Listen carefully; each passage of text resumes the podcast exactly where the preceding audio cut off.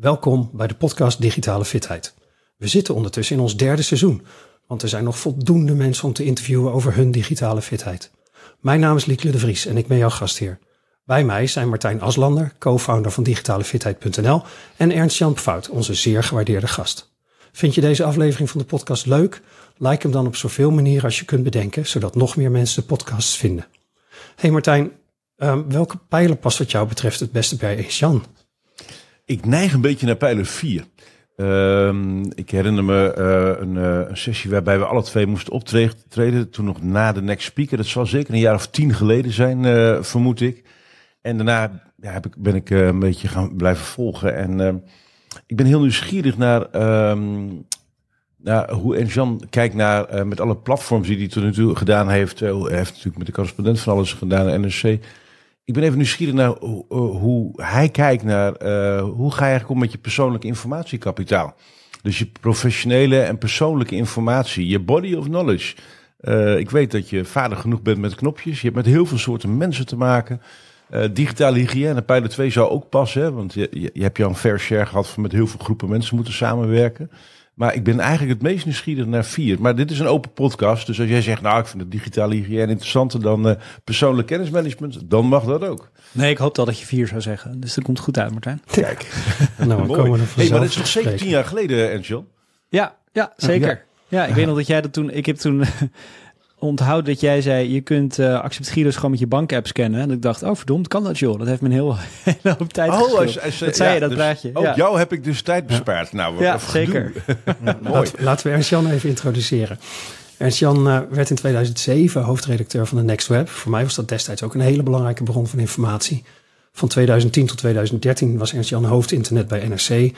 En vervolgens richtte hij in 2013 samen met anderen de correspondent op. De platform met al die inhoudelijke verhalen. In 2021 stopte hij daarmee. En nu is hij interviewer, schrijver, maakt hij podcasts en is hij bezig met intentioneel leven. En wie dat wil, kan tegen betaling zijn Notion template voor intentioneel leven downloaden. 33.000 woorden, 10 hoofdstukken en 20 dagelijkse oefeningen. Fijn dat je erbij bent, Ernst-Jan. Ja, dankjewel. Vind uh, ik ook. ik, ik, ben zelf ook nieuwsgierig naar dat intentioneel leven en jouw uh, ervaringen met Notion.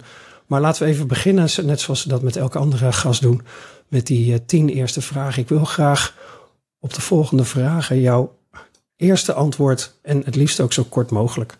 Um, en de setvraag is ooit een keer bedacht door Bernard Pivot. Wat is je favoriete woord? Uh, bewonderen. Wat is je minst favoriete woord? Uh, maar. Waarvan raak je opgewonden? Uh, als ik iets nieuws heb ontdekt dat ik kan leren, vind ik heel leuk. En wat is voor jou een echte turn-off? Uh, dit hebben we al een keer geprobeerd, als mensen dat zeggen. Ja. Welk geluid vind je geweldig? Um, goeie vraag. Um, als ik thuis kom in de zomer en ik uh, kom dan uit de drukke stad gefietst en ik hoor thuis de krekels, vind ik heel mooi. En welk geluid haat je? Afzuigers, dat soort dingen, ventilatiesystemen. Ja. Wat is je favoriete vloekwoord? Uh, fuck, denk ik. Welk ander beroep dan je eigen beroep zou je willen, willen uitproberen? Waar ik altijd heel erg door geïntrigeerd ben, laatst ook weer door de documentaire van Robbie Williams, is hoe het moet voelen als je op zo'n podium staat met 70.000 mensen die naar je schreeuwen. Wat dat met je psyche doet. Daar ben ik heel benieuwd naar. Dus dat zou ik willen uitproberen, Rockstar. Nou, we konden, we konden in die documentaire wel goed zien dat het niet per se positief uitpakt. Altijd. Nee, precies. Dan heb je dat intentioneel leven echt hard nodig. Ja, denk ik ook, ja. Oké, okay, nog twee. Welk beroep zou je nooit willen hebben? Oh, um, even denken. Uh, Chief of Operations. En wat hoop je dat men later over je zegt wanneer je eenmaal niet meer op deze planeet bent?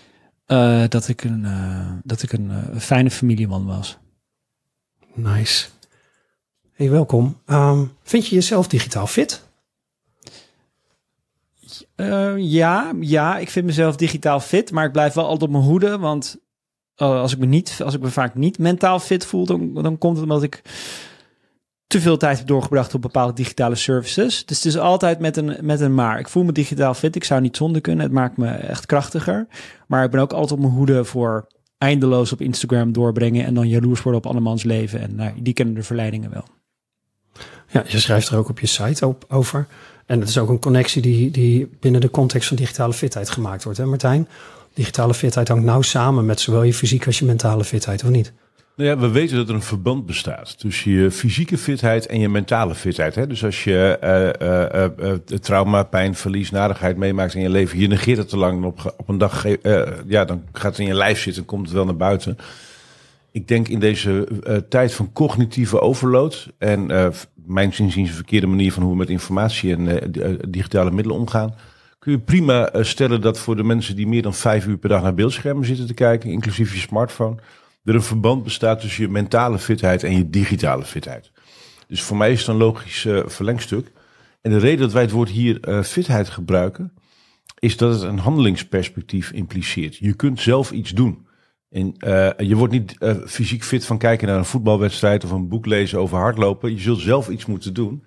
En in de wereld van technologie is denk ik dat ook het enige wat we echt te doen hebben dat we mensen een handelingsperspectief aanbieden om zelf iets te doen aan hun digitale fitheid. Dus, want dat begint bij het individu. En dat is hoogst persoonlijk. Dat is ook de reden dat wij niet voor organisaties kiezen, maar voor groepen individuen. En dat die bij dezelfde organisatie werken. Prima. Maar uh, ik denk echt dat we op, op, op het niveau van de individuele medewerker of persoon, uh, mens, ja, hierbij kunnen helpen en wat kunnen aanbieden. Ja. En Ernst-Jan, um hoe is dat dan voor jou? Uh, je, je zit misschien op een gegeven moment een keer te lang op Instagram. En hoe, uh, hoe besluit je dan uh, jezelf te redden? Hoe gaat dat proces? Nou, eigenlijk door mezelf. Ik weet dat ik, dat ik vorig jaar stond ik op een, op een camping met, uh, met mijn gezin. En er was een optreden. En ik zou de kinderen even. De, de camper stond dichtbij in de buurt van het optreden. Dus ik dacht, ik breng de kinderen even naar bed in de camper. En dan zit ik er nog eventjes bij tot ze in slaap vallen. En in die tijd had ik TikTok op mijn telefoon staan. Dus ik, ik had hen in bed gelegd en ik ging erbij zitten en ik ging even op TikTok. En op een gegeven moment ontwaak ik uit TikTok en ik hoorde dat dat concert dat ik wilde zien, dat, dat, alweer, dat, dat, dat ze net met de toegift bezig waren. En toen dacht ik even, what the fuck, dit is echt weer van een totaal nieuw niveau. En dat slechte gevoel dat me dat gaf, dat, dat, is nu weer meer dan een jaar geleden, dat, dat heb ik zo bij me gedragen dat ik daardoor op mijn hoede ben. En aan de andere kant, het positieve gevoel als ik me na een dag werken, uh, als ik het gevoel dat ik iets, dat ik iets uh, waardevols heb toegevoegd, als ik iets gemaakt heb, als het me gelukt is om niet te vallen voor de verleidingen van uh, rondje e-mail, nieuws, Twitter, nou et cetera. Dat goede gevoel, dat hou ik ook heel erg bij me. Dus um, eigenlijk door mezelf te herinneren, de dagelijkse voldoening die ik kan vinden als ik ervoor zorg dat ik slim gebruik maak van mijn apparaten, die, die, ja, dat probeer ik mezelf voor de geest te houden en daar telkens naar te streven. En heb ik inmiddels een heel truc aan hacks en weet ik allemaal wat voor. Maar het draait allemaal om dat, om dat oproepen van dat slechte en dat goede gevoel. Ja, en als je nou terugspoelt naar uh, nou ja, 2007, die periode dat de Next Web ook enorm aan het ontwikkelen was. En, en we eigenlijk met z'n allen in die, die stroomversnelling zaten van social media, dit opkwam en dergelijke. Uh, was je er toen ook al zo mee bezig? Nee, want dat was het laatste jaar dat ik geen iPhone had, denk ik. Dus ik ging dan naar het kantoor van de Next Web. en daar ging ik uh, achter mijn computer werken. Ik had volgens mij wel zo'n iPod Touch, een beetje zo'n nep iPhone was dat. Die kon mij eigenlijk alles behalve bellen en die had ook geen mobiel internet. Maar um, ik weet nog dat ik toen bij de Next Step kwam werken, dat ik nog een papieren agenda had. Dus dat zegt wat over, over ja, hoe beperkt mijn rol nog was. Toen was ik uh, uh, 21. Ah ja, ja. En um, uh, dus toen was het echt nog gewoon werken achter de laptop en uh, als hij dicht was, dan uh, aan, mijn, aan mijn andere leven beginnen. Dus ik vond het wel minder, minder grote impact dan het nu heeft. Nu, nu kun je natuurlijk elk doodmoment kan je meteen met je telefoon uh, vullen. Ja, en anders dan ja, die laptop, dat is gewoon ook een fysiek apparaat. Een klep die dicht gaat en dat is gewoon makkelijker. Ja, dat snap ik. Ja. En, en um, ik neem ook aan dat tussen toen en nu, nou op een gegeven moment komt er een mobiele telefoon in je leven, die daagt dat uit. Kun je je nog herinneren wanneer je dacht, oh wacht eens even, dit gaat helemaal mis? Nou, in het begin was het natuurlijk vooral opwinding. Het is ook een geweldig iets dat je dus uh, ter plekke, dat ik bijvoorbeeld ter plekke verslag kon doen van dingen. Uh, als journalist toen eenmaal, eenmaal voor NRC werkte. En um, wanneer ik dacht dat het misging, nou, het was eind twintig of zo. En, en, wat Martijn zegt, het heeft natuurlijk ook verband met je eigen leven. Niet alleen maar die, die, uh, die apparaten die, die um, versterken dat misschien. Maar ik merkte dat ik op een gegeven moment eigenlijk chronisch ontevreden door het leven ging. Dat ik alleen maar bezig was met wat kan er beter, wat kan er spectaculairder, wat kan er meer. En bedoel, dat ging deels ook goed. Dus ik maakte heel veel van mijn dromen waar. Maar ik voelde ook altijd een soort onrust van, is dit het nou? En waarom heb ik, heb ik nooit genoeg? En ik weet dat ik, uh, zo'n beetje voordat ik vader werd, dat ik echt, echt implodeerde. Dat ik alleen maar op zoek was naar nog grotere, risicovollere impulsen. En toen in die tijd zei iemand tegen mij: Je moet dus de moed der imperfectie lezen van uh, Brene Brown. Brown. Dus, ja, een Amerikaanse onderzoeker. Schrijft over geluk en schaamte. En die uh, had men, heel veel mensen over geluk geïnterviewd. En toen kwam ze erachter dat uh, de mensen die iets verschrikkelijks hadden meegemaakt, iets dramatisch, zoals het verlies van, van een, een kind of, of nou, de, dingen van die orde, dat zij zich allemaal realiseerden dat de gelukkigste momenten in hun leven waren de doodnormale momenten, de, de, de avondmaaltijd of de hond uitlaten. Of ik ben dat voor mezelf de regenachtige woensdagmiddag gaan noemen. En ik was op dat soort momenten helemaal niet gelukkig. Ik was, ik was verveeld, ik was op zoek naar afleiding. Dat vond ik nog op mijn telefoon. En dat was voor mij zo'n schrikbeeld dat ik me realiseerde van ja, wat ik aan het doen ben is aan het organiseren dat ik, dat ik op, op een gegeven moment later op mijn sterfbed lig, terugkijk en uh, me realiseer dat ik het geluk dat voor me lag nooit zag. En dat was voor mij een soort wake-up call van ik wil um, ja, ik wil van die chronische ontevredenheid af. Ik wil op zoek naar een soort diepere, diepere voldoening. En zo ben ik toen, zo ben, nou, dus ben ik heel veel dingen gaan veranderen, maar ook mijn gebruik van uh, mobiele telefoon en van uh, ja, digitale tools. Ik realiseer me in één keer, uh, we hebben het er niet zo heel vaak over volgens mij in deze podcast. We hebben vijf pijlers bij digitale fitheid. En die vijf is technologie gebruiken voor je eigen ontwikkeling en groei. En als ik jou zo hoor, voor ons is de, de um, vierde pijler persoonlijk kennismanagement goed kunnen omgaan met je persoonlijke informatie, inzichten, feedbackloops, dat soort zaken. En die vijfde, die liggen natuurlijk heel dicht tegen elkaar aan. Maar zo te horen heb jij die aan alle kanten wel geraakt. Ehm, dus hoe kun je die inzichten die je hebt gebruiken om ja, vangrails te bouwen in je leven, uh, patronen, habits, nou, die wereld zeg maar. Uh, Hoe kun je technologie gebruiken om dat intentioneel leven uh, ervoor te zorgen dat je meer van het goede doet en minder van het slechte? Ja. Dus uh, ik had me dat niet zo gerealiseerd. Dus dat vond ik een, een mooi inzicht. Was, was dat ook echt zo? Of was het toch vooral een mentale oefening waar de digitale gereedschapjes pas veel later bij aanschoven? Nou, ik denk wel dat ik, dat ik sterk beïnvloed werd door um, de beelden die je meekrijgt van het leven van mensen om je heen via bijvoorbeeld dingen als Instagram. Dat zijn natuurlijk alle, dat is, iedereen deelt de hoogtepunten van zijn of haar leven. Dat deed ik ook. En omdat ik daar zoveel op zat, uh, als ik dan een keer op een familieverjaardag zat, of het was een regenachtige woensdagmiddag en ik zag dat iemand anders op, uh, weet ik veel, Coachella was, of, uh, of iets heel spectaculairs met zijn of haar bedrijf aan het doen was. En ik zat, ik zat op dat familiefeestje, dan bekroop mij meteen die onrust. Dus het was wel een soort voeding van altijd maar meer willen, altijd maar spectaculairder willen. dus dat ik, dat ik me daar veel meer aan ben gaan aan, ont, aan onttrekken, heeft me denk ik mentaal ook wel fitter gemaakt. Ja, ik kan me goed voorstellen. Hey, um, en een uh, zijstapje. Je vertelde over het lezen van het boek van Brené Brown. Was, ben je sowieso een, een boekenlezer? Ja, ja, heel erg. En zeker sindsdien, want ik ben toen eigenlijk voor, ik ben toen, ik was inmiddels uitgegeven bij de correspondent en ik ben toen een journalistieke serie begonnen. Eigenlijk om, om naar voor mezelf, om te onderzoeken van nou, hoe kan ik nou van die ontevredenheid afkomen. Toen ben ik echt heel veel wetenschappelijk onderbouwde zelfhulpboeken gaan verslinden. En uh, gaan recenseren en gaan bespreken. En een beetje op zoek gegaan naar wat, hoe komt het nou dat ik, uh, dat ik zo door het leven ga. En vele anderen met mij. En ik ben er eigenlijk nooit mee gestopt. Dus we zijn nu um, zeven, acht jaar verder. En ik, ik lees nog steeds alles wat los en vast zit. Wat is jouw proces voor het lezen van een boek? Maak je aantekeningen? Hoe gaat dat? Ja, ik heb. Um, de meeste lees ik op mijn Kindle. Dus daar maak ik highlights. Um, die worden dan door een tooltje dat heet Readwise, worden die geëxporteerd. En die uh, komen dan in mijn Notion terecht. Dus dat is heel handig, want best wel veel boeken, ik denk, de, de, ik denk uh, al, bijna alle non-fictie die ik lees, die, die, daar doe ik vervolgens wat mee voor mijn werk. Dus dan kan ik meteen in Notion aan de slag met die highlights. Dat is super handig. En ik heb ook door het huis gewoon papieren boeken slingeren. Deels als signaal naar mijn kinderen van lezen is iets moois. En uh, wat ik daar doe is uh, te gewoon onderstrepen, ezelsoren maken. En dan als ik een boek uit heb, met Readwise heeft ook een goede OCR-functie in de mobiele app. En dan maak ik gewoon foto's daarvan. En dan maak ik dan ja, op een fysieke manier. Je, je bent actief bezig met het capturen van wat je tegenkomt, wat resoneert, wat relevant is en waar je nog wat mee zou willen of moeten. Ja, ja. en wat ik hoe, is dat, uh, uh, hoe is dat in jouw omgeving? Want jij, ik, mijn beeld van jou is dat je in een omgeving leeft met heel veel mensen die ook bezig zijn met ontwikkeling, groei, allemaal dingen doen. Um, zijn deze gebruiken die jij net deelt met ons, zijn die een beetje normaal ook en gebruikelijk in jouw omgeving? Of eh, ben jij daar de uitzondering in? Nee, ik heb zeker een paar vrienden die dat ook doen. Voor het, voor zo vanzelfsprekend is dat we allemaal, allemaal Rebuys gebruiken. Ja. Maar ik heb, ik heb ook vrienden die eh, van het type zijn eh, dat ze mij eh, appen richting de zomer van nou, het is, het is weer zover. De zomervakantie komt eraan. Dat betekent dat ik er weer een boek ga lezen dit jaar. En dat ik dan aan hen tips geef. En, dus dat is, eh, het is een heel breed spectrum. Het zomerboek. Ja.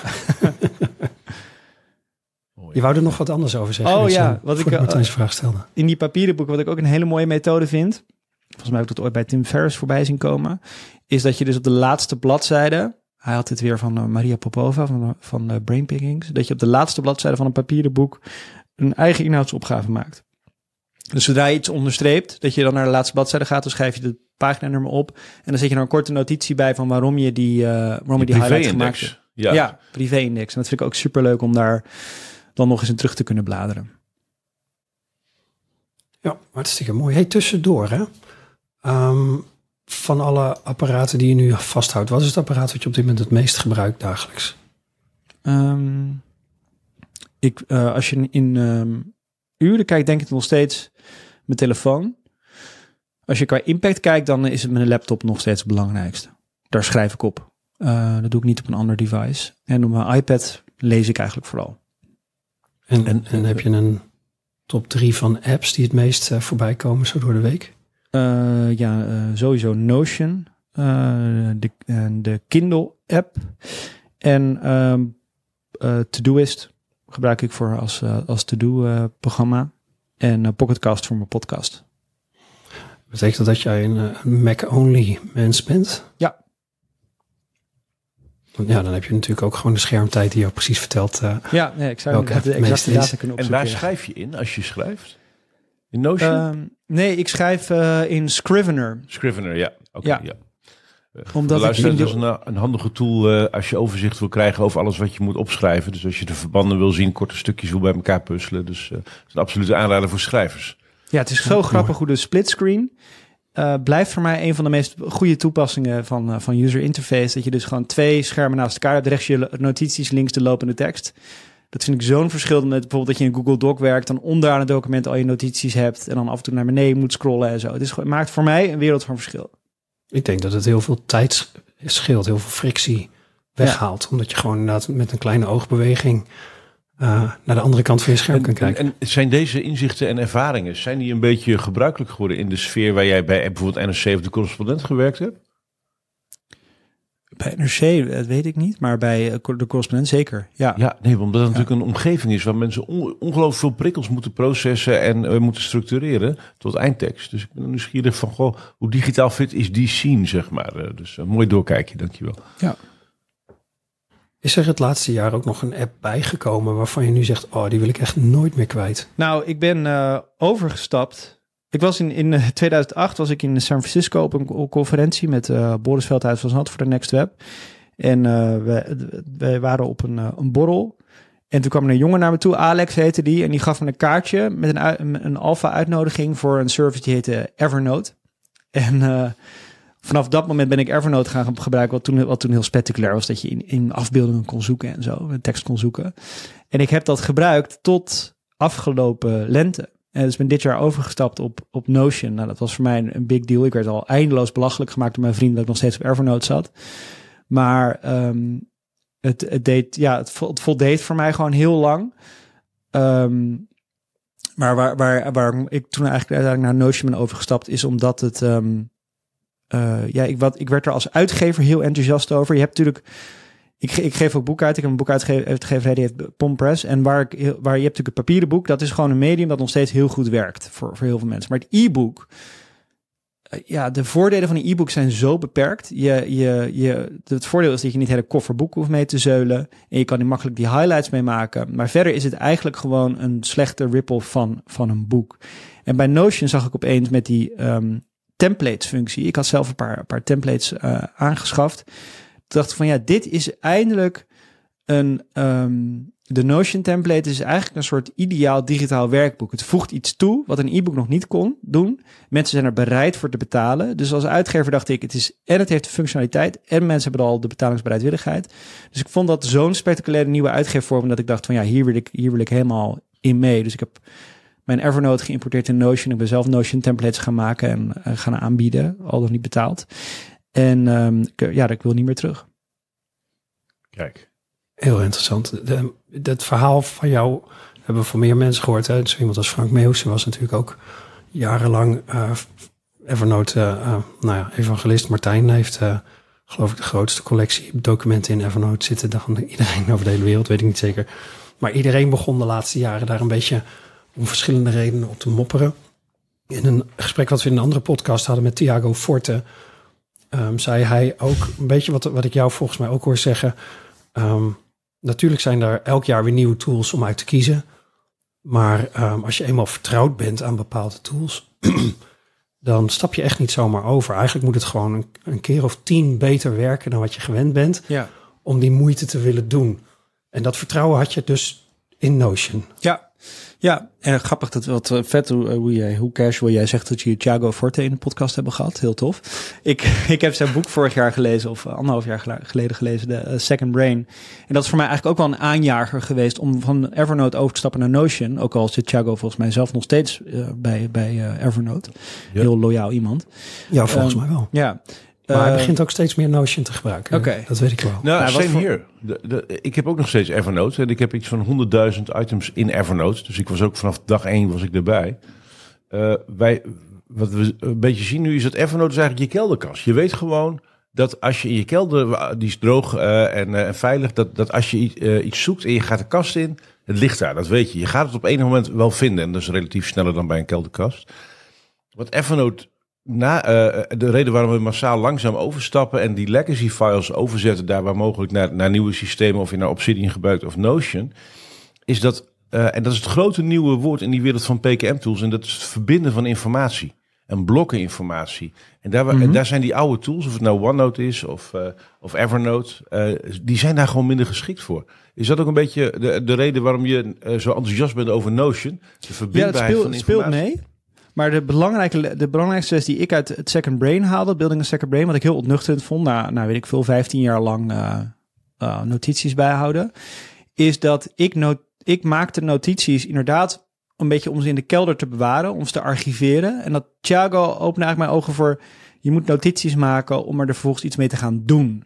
Actionable, um, ja. ja. Ja, dus maak Voor het het denkproces, ja. Ja, en, dat, en toen dacht ik van ja, hij heeft helemaal gelijk. Ik moet, ik wil... Uh, die notities veel meer gaan maken om iets mee te doen. Om er om, een blogpost van te maken of om er een podcast van te maken of een item in mijn nieuwsbrief. En daar was Evernote gewoon niet geschikt voor. Evernote voelt inderdaad echt als die kelderkast die dan nu onderhouden wordt door een Italiaans bedrijf dat ik niet ken.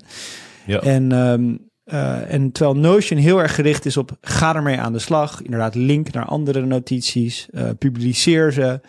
En ik kreeg daar zo'n um, boost van energie van, van dat, van dat idee van hem dat je dus um, eigenlijk al die notities die je maakt, dat die een bepaalde waarde hebben. En dat je er eigenlijk voor moet zorgen dat je zo snel mogelijk die waarde met anderen deelt of voor jezelf, uh, ja, voor jezelf activeert. Dus ben totaal anders notities gaan maken. Daar past Evernote, of daar past Notion veel beter bij. Wij, wij noemen dat met een knipoog bij digitale fitheid noemen we dat het, het liquide maken van je informatiekapitaal. Ja, Wat heb je aan informatiekapitaal als je, er niet, als je het niet snel kan uitgeven om, om iemand bij te helpen?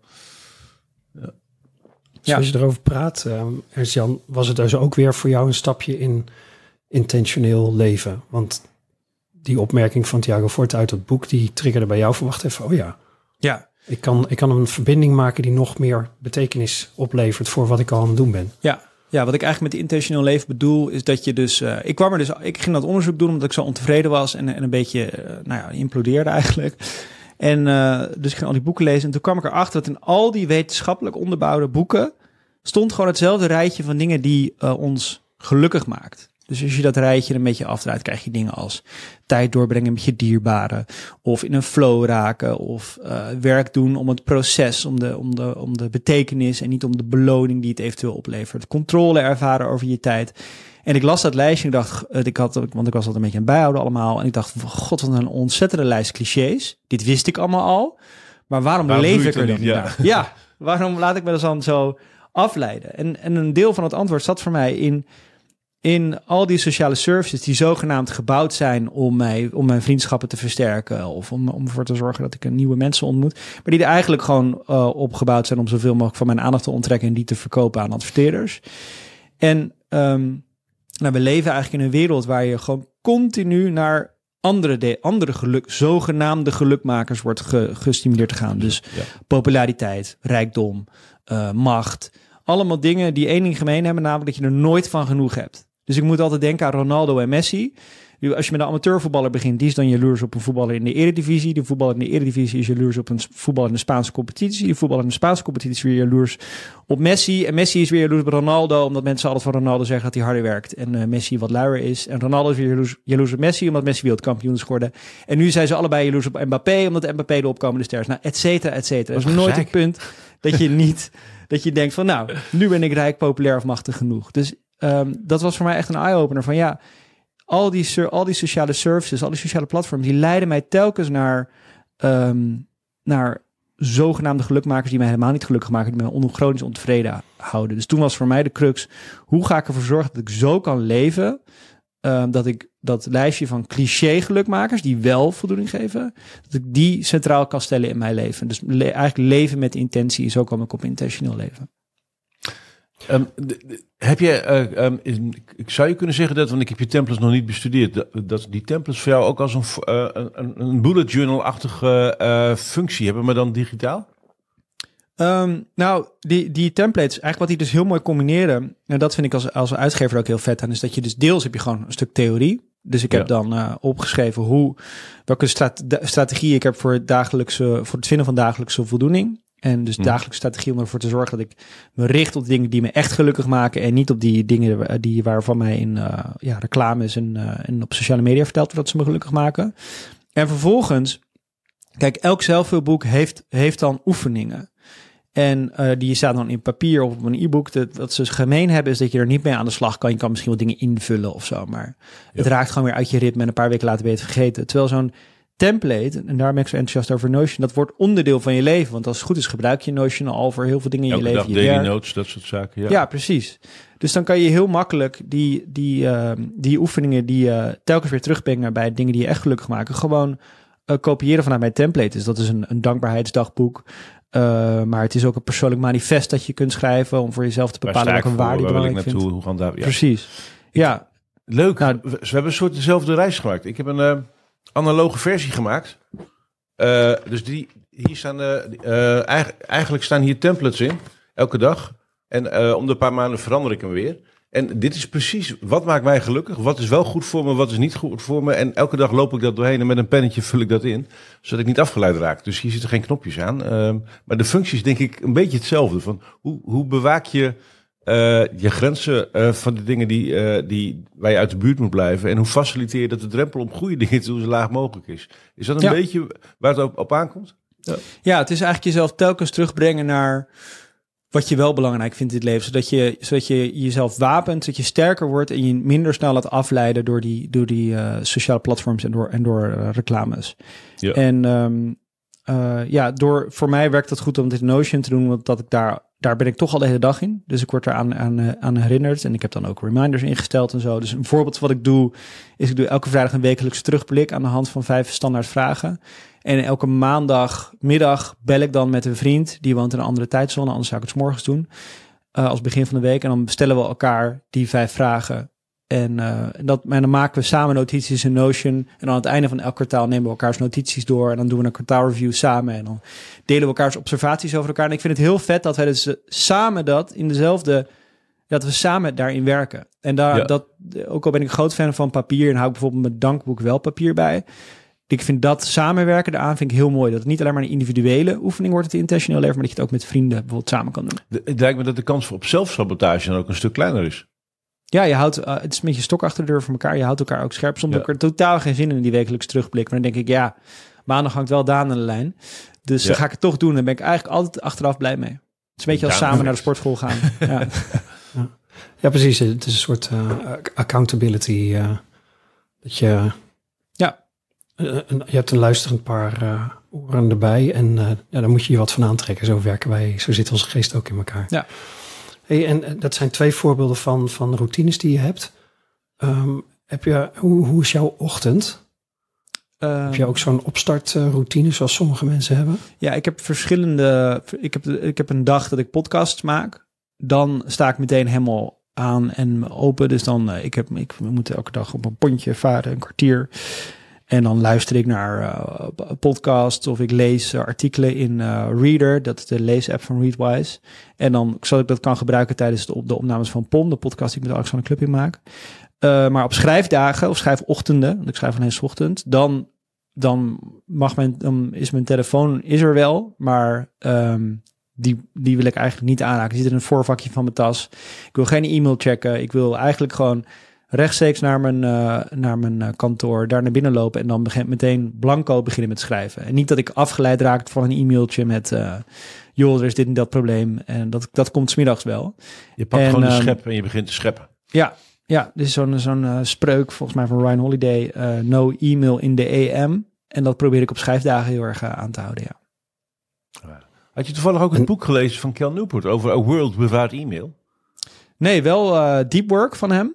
Ja. En ik lees zijn blog ook graag, maar een World Without Email heb ik nog niet gelezen. Ja, in Nederland is het vertaald als bevrijd. Het is niet een enorme hit geworden in Nederland, wat onvoorstelbaar is, omdat echt iedereen klaagt over e-mail. Ja. Uh, maar hoe die wereld zonder e-mail eruit zou kunnen zien en waarom dat een goed idee is, dat vinden we blijkbaar nog te, te confronterend. Ja. Nieuwsgierig hoe jij er naar kijkt. Nou ja, ik heb, ik heb nu, ik werk niet meer in een, uh, nou, ik heb nu een heel klein overzichtelijk productiebedrijf samen met Alexander. Ja. En uh, hiervoor was ik directeur van een bedrijf met uh, iets van 75 mensen. En dan, dus toen was, was ik echt een slaaf van e-mail. Ja. En uh, probeer, deed ik wel af en toe dat ik van die ochtend had dat ik blanco wilde beginnen om langer over de toekomst van de correspondent te kunnen nadenken. Maar dat was eerder uitzondering dan regel. En nu heb ik veel meer regie over mezelf, over, over mijn werk. En dat is natuurlijk het probleem met de e-mail, dat we elkaar met z'n allen in die, in die werkgreep houden van, van een eindeloze stroom berichten. En dat je het bijna ja, je moet bijna op organisationeel of op, op uh, beleidsniveau bedenken hoe je dat zou, zou kunnen minderen. Ik, ik, als individu uh, je onttrekken aan iemand moet je wel echt heel sterk in je schoenen staan. En vaak ben je dan ook leidinggevende of, uh, of ja. in ieder geval um, op een manier autonoom. En ja, als jij uh, op je donder krijgt omdat je om morgens om half tien een mailtje van je manager hebt gemist, dan, uh, ja, dan is het een stuk moeilijker om je aan iemand te onttrekken. Denk ik. ik denk dat als, als Dante Alighieri de, zeg maar Inferno opnieuw zou moeten schrijven in deze tijd, dan zou e-mail daarin voorkomen. ja, dat denk ik ook. Is lek. Ja. Ja, nou, je, je kunt er wel afspraken over maken. Inderdaad, ik, uh, wij zijn vanuit radio en ook vanuit digitale fitheid enthousiast over de, de teamwerkovereenkomst. En dat is als je juist in een grotere organisatie met een aantal mensen samen een team vormt, dat je gaat zitten en zegt van nou, hey, die cc'tjes aan elkaar. Ja. Kunnen we daarmee stoppen? Ja. En uh, kunnen we überhaupt zorgen dat we zo min mogelijk mailtjes sturen um, en bijvoorbeeld ook geen documenten meer naar elkaar sturen, maar linkjes naar een online plek waar dat document staat. Um, kunnen we Teams of een andere chat tool inrichten om gerichte gesprekken te rubriceren, zodat je ook weet van we hebben het erover gehad en kan het waarschijnlijk daar terugvinden. Mm -hmm. Dat zijn wel manieren die voor grotere organisaties werken, maar ik denk dat jouw observatie een hele juiste is dat een bepaalde mate van autonomie enorm helpt om uh, dat voor jezelf te besluiten. En als die autonomie er niet is, ja, dan moet je het in de groep om je heen vinden, dat je het elkaar gaat gunnen. Ja. En ik denk dat dat ook um, dat is een beetje een cultuurkwestie, denk ik. Hè? Mm -hmm. Hangt heel erg van je organisatie af. En uh, misschien heb jij bij de correspondent wel eens gedacht: oh, dit hadden we in de eerste twee jaar misschien beter anders kunnen doen. Zoals bijvoorbeeld die e-mail. Ja, zeker. Ja, uh, absoluut. Kijk, als je een start-up, een correspondent was in het begin natuurlijk een start-up. En dan is het gewoon met z'n allen gaan en rennen. En het is een kleine groep. En het zijn mensen die bewust bij een start-up zijn gaan werken. allemaal types die. Uh, voor wie werk een heel belangrijke rol speelt in hun leven en hun identiteit. Dus het was gewoon gaan met z'n allen. En dan komt er op een gegeven moment een punt dat het groter wordt en dat er mensen bij komen die niet per se bij een start-up willen werken, maar gewoon uh, ja, wat je doet heel tof vindt en dan erbij komen. En dan uh, en, en die mensen van de eerste groep die krijgen op een gegeven moment kinderen, nou, et cetera. En dan merk je van ja, misschien moeten we gaan stoppen met uh, als we wakker zijn, altijd bereikbaar zijn. En dus toen, uh, ik denk ergens in 2017, ook een beetje rond die tijd dat ik net zelf die reis al doorgemaakt heb, ik geprobeerd een uh, gezond werkenprotocol en zo door te voeren. En, um, en dus met duidelijke afspraken van ja, wanneer je niet bereikbaar bent en wanneer je tijd hebt om je te kon, kunnen concentreren op de journalistiek. En dat is bij de correspondent natuurlijk extra belangrijk, omdat wat wij maken is afhankelijk van de denktijd die mensen hebben. Want als ze niet kunnen nadenken over een stuk, dan komen ze ook niet. Dus daar, daar konden we het, daar konden we het uh, redelijk goed organiseren. Maar het was nooit af. Het bleef een, het bleef een uitdaging. Ja. Wij, wij... Ik denk dat dat er ook bij hoort hoor. Dat, want nou ja, zo is het nu ook. Je bent nu een happy gebruiker van Notion. Ja. Maar stel dat er uh, ergens in het komend jaar uh, functionaliteit bij gaat of juist afgaat. Uh, waar jij heel erg blij van was. Ja, dan, dan heb je weer een externe prikkel om te kijken van, oh, wil ik dit nou nog steeds zo gebruiken? Ja. Dus ik denk dat dat ook een soort van gegeven eigenlijk zou zijn, waar heel veel organisaties um, actief in de ontkenningsfase zitten. Want ja. die kiezen dan een bepaalde versie en die gaan ze sustainen en maintainen. Want to, to maar rule dat, them all. Ja, ja nou, de, en, en ik denk met intentioneel leven is dat ook zo. Dat is ook nooit af. Je blijft, elke dag is een kwestie van um, je concentratie vinden. En je kunt wel op de lange termijn dingen doen die je, nou ja, die systemen opbouwen waar, waar ik het over heb, om ervoor te zorgen dat je op de lange termijn je leven zo organiseert dat je elke keer weer terugkomt bij wat je belangrijk vindt.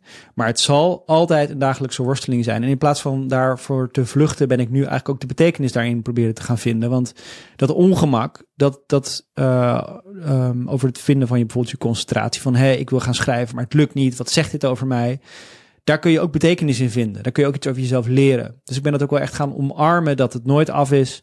Dat het altijd een worsteling zal blijven. Maar dat dat juist ook je betekenis kan geven. Want als je je daar aan overgeeft en de worsteling uit de weg gaat. Ja, dan ga je swipend, likend. Uh, als een soort zombie door het leven. Overgeleefd aan de grillen van Silicon Valley. En dat, dat is wel, volgens mij wat je absoluut niet wil. En de andere is uitstelgedrag van later. Straks heb ik het wel onder controle ja. en dan is alles goed. En dat moment komt ook nooit. Ja, en volgens mij, wat voor mij de belangrijkste les over uitstelgedrag was, dan mij, ik probeer mezelf te beschermen tegen teleurstelling. Dus ik was eerst bezig met allemaal life hacks en dergelijke. En die zijn heel waardevol. Maar niet als je de eerste kern aanpakt. En dat was gewoon, ik durf nu niet aan dit boek te beginnen, bijvoorbeeld. Om dit boek te gaan schrijven. Omdat ik bang ben dat het niet goed genoeg zal worden. En op het moment dat ik dat onderkende. Ik heb nu groot boven mijn bureau hangen. The first draft of anything is shit. Dat is een quote van Ernest Hemingway. Alle eerste versies zijn slecht. Dus de, gewoon een kwestie van Dit geldt ook voor pannenkoeken trouwens. Nou, daar there you go. Uh, en uh, sinds ik dat aanhaal, aan, sinds ik dat weet, gaat het aanpakken van uitstelgedrag aan de hand van die life hacks nog steeds. Die als een gereedschapskist en elke dag pak ik daar iets anders uit en elke dag werkt er iets anders. Uh, nu werkt dat veel beter, omdat ik op de achtergrond weet, ja, dat stemmetje in mijn hoofd dat zegt dat, dat ik er niet voor in de stemming ben, die zegt eigenlijk pas op, want je kan eventueel teleurgesteld raken. Ik wil even een hele andere vraag stellen. Want ik zat te kijken naar de inhoudsopgave van jouw uh, intentioneel leven handboek. En toen viel het me op dat voor mijn gevoel er best veel aandacht uh, naar de financiële kant van je leven gaat. Uh, en ja. um, toen, dacht ik, toen vroeg ik me af, wat zegt dat over mij, hè, dat me dat opvalt? Um, mijn beeld van heel veel zelfhulpboeken is dat die gaan vooral over je mentale dingen en over hoe je fysiek voor jezelf zorgt. Die gaan bijna nooit over je huishoudboekje. Mm -hmm. En jij hebt het een hele belangrijke plek gegeven, volgens mij. Waarom was dat? Uh, nou, omdat ik ten eerste, ook daar was de aanleiding van dat ik, uh, ik op, opeens realiseerde ik me dat ik toen ik student was, dus voordat ik bij de Next Web begon, toen werkte ik achter de, was ik barman drie avonden per week. En ik leende maximaal bij. Nou, laten we zeggen dat ik iets van duizend euro bij elkaar had, scharrelde elke maand. En uh, tien jaar later, als dertiger, verdiende ik nou, volgens mij bijna twee keer modaal. Maar ik had één ding gemeen met die 20-jarige versie van mezelf. Namelijk dat aan het eind van, uh, hoe zeg je dat? Aan het eind van de geld had ik nog een stukje maand over. Om Loesje te citeren. En dus toen dacht ik, hoe komt dat nou? En dat kwam dat ik mijn um, levensstijl had geupgrade. En dat is in, in, dat dus in plaats dat ik in de mensen had, ging naar een restaurant. Ik was twee zo groot gaan wonen. Ik ging verder op vakanties, nou, et cetera, et cetera. En het is niet zo gek dat je comfortabeler leeft als, als jonge vader dan als, als student. Maar ik had de gulden middenweg duidelijk gemist. Dus toen begon ik me, ik begon me daardoor ook in geld te verdiepen. Ook omdat mijn verantwoordelijkheid zich verder uitstrekte dan mezelf. Ik dacht, ik ben nu vader, ik moet daar verantwoordelijk mee omgaan. En toen kwam ik erachter dat geld is zo'n belangrijke lens op de prioriteiten in je leven. Um, eigenlijk waar ik voor achter kwam, voor mij wat de beste manier is om met geld om te gaan, is om, het, om je uitgaven in lijn te brengen met je waarde. Dus wat vind je, wat zijn er dingen die je gelukkig maken? Um, vaak zijn dat de dingen die minder geld kosten. Uh, en wat, uh, dus voor mij werd het een manier om te zien van, nou, die enorme horecapost die ik had bijvoorbeeld. Dat was gewoon een manier om te ontsnappen aan die verveling door elke keer maar de deur uit te gaan. Wat zou er gebeuren als ik gewoon eens thuis zou blijven en um, uh, mooie maaltijd zou gaan maken? En ik kwam erachter dat me dat veel meer voldoening gaf. Dus voor heel veel dingen in het leven kan geld een soort lens op je prioriteit zijn. Om daar bewust mee bezig te zijn, is eigenlijk een soort bijvoorbeeld maandelijkse transacties doorlopen, is maandelijks een confrontatie met wat vind ik belangrijk in het leven, waar gaat mijn geld naartoe? En geld is natuurlijk een belangrijke valuta in je leven, net als je aandacht. Dus daar ben ik dat erin gaan betrekken. En het heeft mij ehm, enorm geholpen om, uh, ja, om, om zo te leven naar, naar, ja, om te leven naar, naar de waarde. En sommige dingen laten zich niet in geld eh, meten, zoals vriendschap of liefde. Maar heel veel andere dingen in het leven wel. Dus dat, daarom trek ik dat zo bij, omdat het me dus telkens terugbrengt naar wat ik echt belangrijk vind. Helder en, en erg effectief, dus als ik dat zo hoor. Ja, ja, want ik ben toen eindelijk na tien jaar niet kunnen sparen. Nou, nu zijn we, het is het zeven jaar verder en uh, spaar ik wel en heb ik geen geldstress meer. En uh, geef ik veel minder geld uit de dingen waar die, die me eigenlijk toch niet gelukkig maken. Wow. Ik had, een, uh, ik had een, uh, in het verlengde hiervan, in dat boekje wat ik net liet zien, staat ook een heel, op elke dag een bladzijde met wat schafte ik aan aan spullen. Hmm. En die ben ik in Freeform van Apple, een soort Miro-clone, een canvas tool, uh, heb ik een fotootje of een screenshotje van alle fysieke spullen, inclusief boeken, uh, en e-books staan er ook tussen, die ik per maand heb aangeschaft in een heel jaar. Dus ik kan a glance naar het hele overzicht kijken. En daardoor kan ik met mijn pen op mijn Apple Pencil kan ik erbij schrijven, werk ik er nou blij van of niet. Dus ik kan nu aan het eind van het jaar voor het eerst in mijn leven eh, zien, wat heb ik allemaal gekocht? En wat heeft mij geluk gebracht? Wat was een miskoop en waar werd ik echt extra blij van? Dus misschien iets leuks voor 2024. Ja. Wat zou er gebeuren als al je aankopen in één keer at a glance te zien zijn? En wat doet dat met je? Ik moet het experiment nog aangaan. Maar uh, ik heb de afgelopen jaren dat allemaal voorbereid. Dus ik ben heel benieuwd wat het met me doet. Maar het zou wel eens in hetzelfde verlengstuk kunnen liggen hiervan. Ja. ja. Um, Ernst-Jan, denk je dat je nog digitaal fitter kan worden? Um, nou, wat ik, wat ik, waar ik zat een beetje na te denken uh, na aanloop naar dit gesprek. En um, waar, waar ik ben eigenlijk veel losser geworden. Ik was altijd heel erg gericht op de perfecte app vinden. Of het perfecte systeem. Het perfecte systeem om een nieuwsbrief te versturen bijvoorbeeld. En wat ik de laatste tijd, het laatste jaar meer ben gaan doen, is gewoon um, de, kijken naar wat nou echt belangrijk is. Wat nou echt belangrijk is, dat ik een zo goed mogelijke maandelijkse nieuwsbrief over intentioneel leven schrijf. En hoe die mensen die tot zich krijgen, daar ben ik nu veel losser in geworden. Dus ik, heb Substack als hoofdplatform gekozen. Maar ik dubbel posten bijvoorbeeld ook op LinkedIn. En vroeger zou ik dan gek geworden zijn. Dat er dan misschien mensen het via LinkedIn en Substack krijgen. Of dat ze zich via LinkedIn inschrijven, waardoor ik eigenlijk hun e-mailadres niet heb op Substack. En dan ging ik dat eindeloos optimaliseren en allemaal manieren voor bedenken. Allemaal tijd die ten koste zou gaan van het schrijven. En ik ben nu veel meer laissez-faire geworden van... Als die nieuwsbrief maar goed is. En als ik er maar voor zorg dat ik in ieder geval van de, te overgrote deel wel het e-mailadres heb van die abonnees, dan is het prima. En dan is het leuk als er nog duizend mensen extra geabonneerd zijn via LinkedIn. Dat is dan een leuke, leuke extra. En uiteindelijk komt dat wel weer terug bij me op een manier. En dat is best ook minder optimaliseren, zeg maar. Ja, minder, optima ja, minder optimaliseren en meer gewoon, uh, zoals met notities ook. Ik heb dan nog inderdaad ook die kelder met Evernote. En ik heb ook mijn notities in, no in Notion. Ik heb misschien ook op een Remarkable, die ik één keer in de maand gebruik, ook nog wat dingen staan. Vroeger zou ik dan een dag ingaan om dat te organiseren. Nu weet ik ongeveer waar het allemaal is. En is het wel, is het is 80% ook prima. Ja. ja. Dat klinkt alsof er ook heel veel rust bij gekomen is. Ja. Ja. Had je dat uh, vijf jaar geleden kunnen doen al? Nee, dan had of dan, kan dat eigenlijk nu pas? Nee, dan, toen was ik nog maar net begonnen met dat intentioneel leven. En uh, was ik met, met uh, nog andere gro grotere zaken bezig. Maar nu merk ik dat ik, dat ik ook... ja, dat ik heel veel dingen die ik probeer te optimaliseren... dat het eigenlijk een soort controle, controledrang is. En zo als ik dat loslaat, dat ik dan eigenlijk veel meer content in het leven sta. Blijkbaar bracht het je ook niet genoeg, die laatste mile. Nee. Nee, dus, uh, in hele specifieke gevallen is perfectie heeft een paar voordelen, in de meeste gevallen niet. Ja, ja. ja. inderdaad. hey Martijn, um, heb jij nog een laatste vraag voor Ernst-Jan?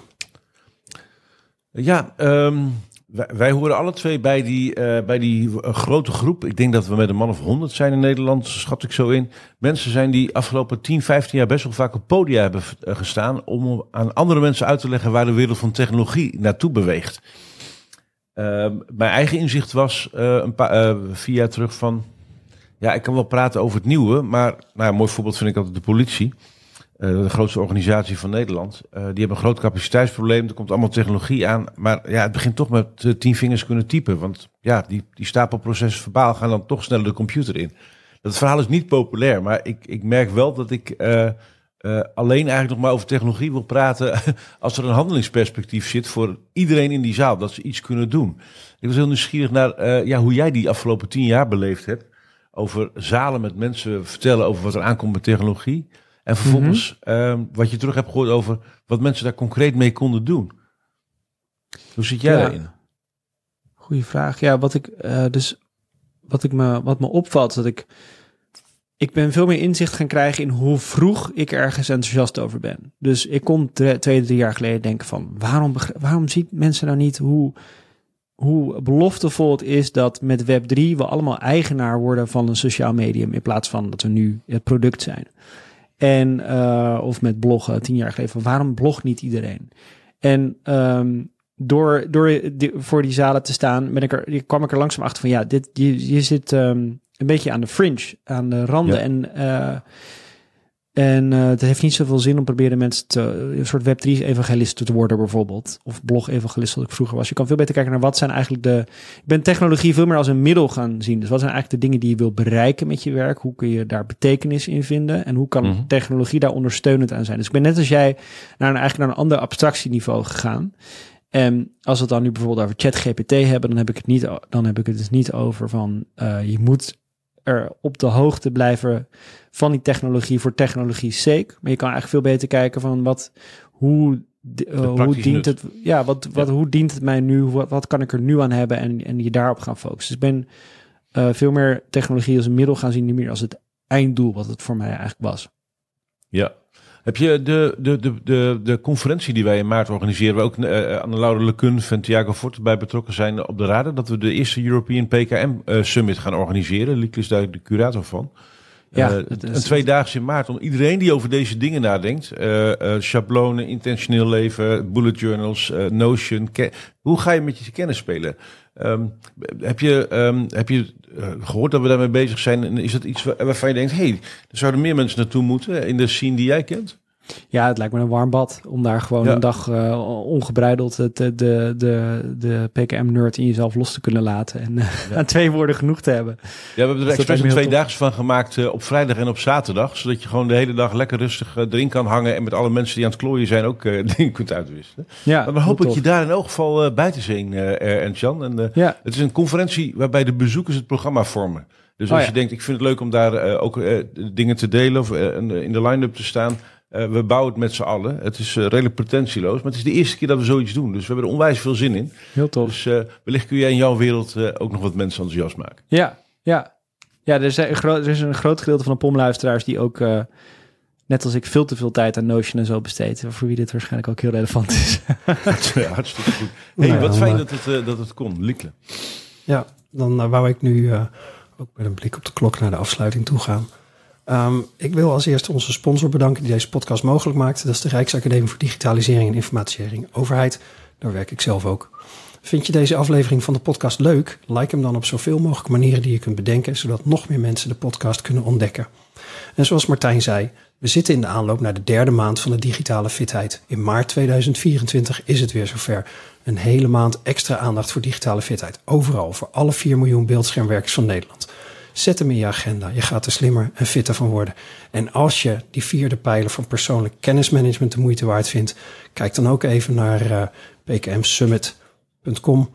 Want op 22 en 23 maart gaan we daar twee dagen dus helemaal los. Um, dit was de podcast Digitale Fitheid met Martijn Aslander en jouw gastheer Liekle de Vries. Onze speciale gast was vandaag Ernst-Jan Fout. Bedankt voor het luisteren en kijk ook eens op digitalefitheid.nl. Dank je wel, heren. Was leuk.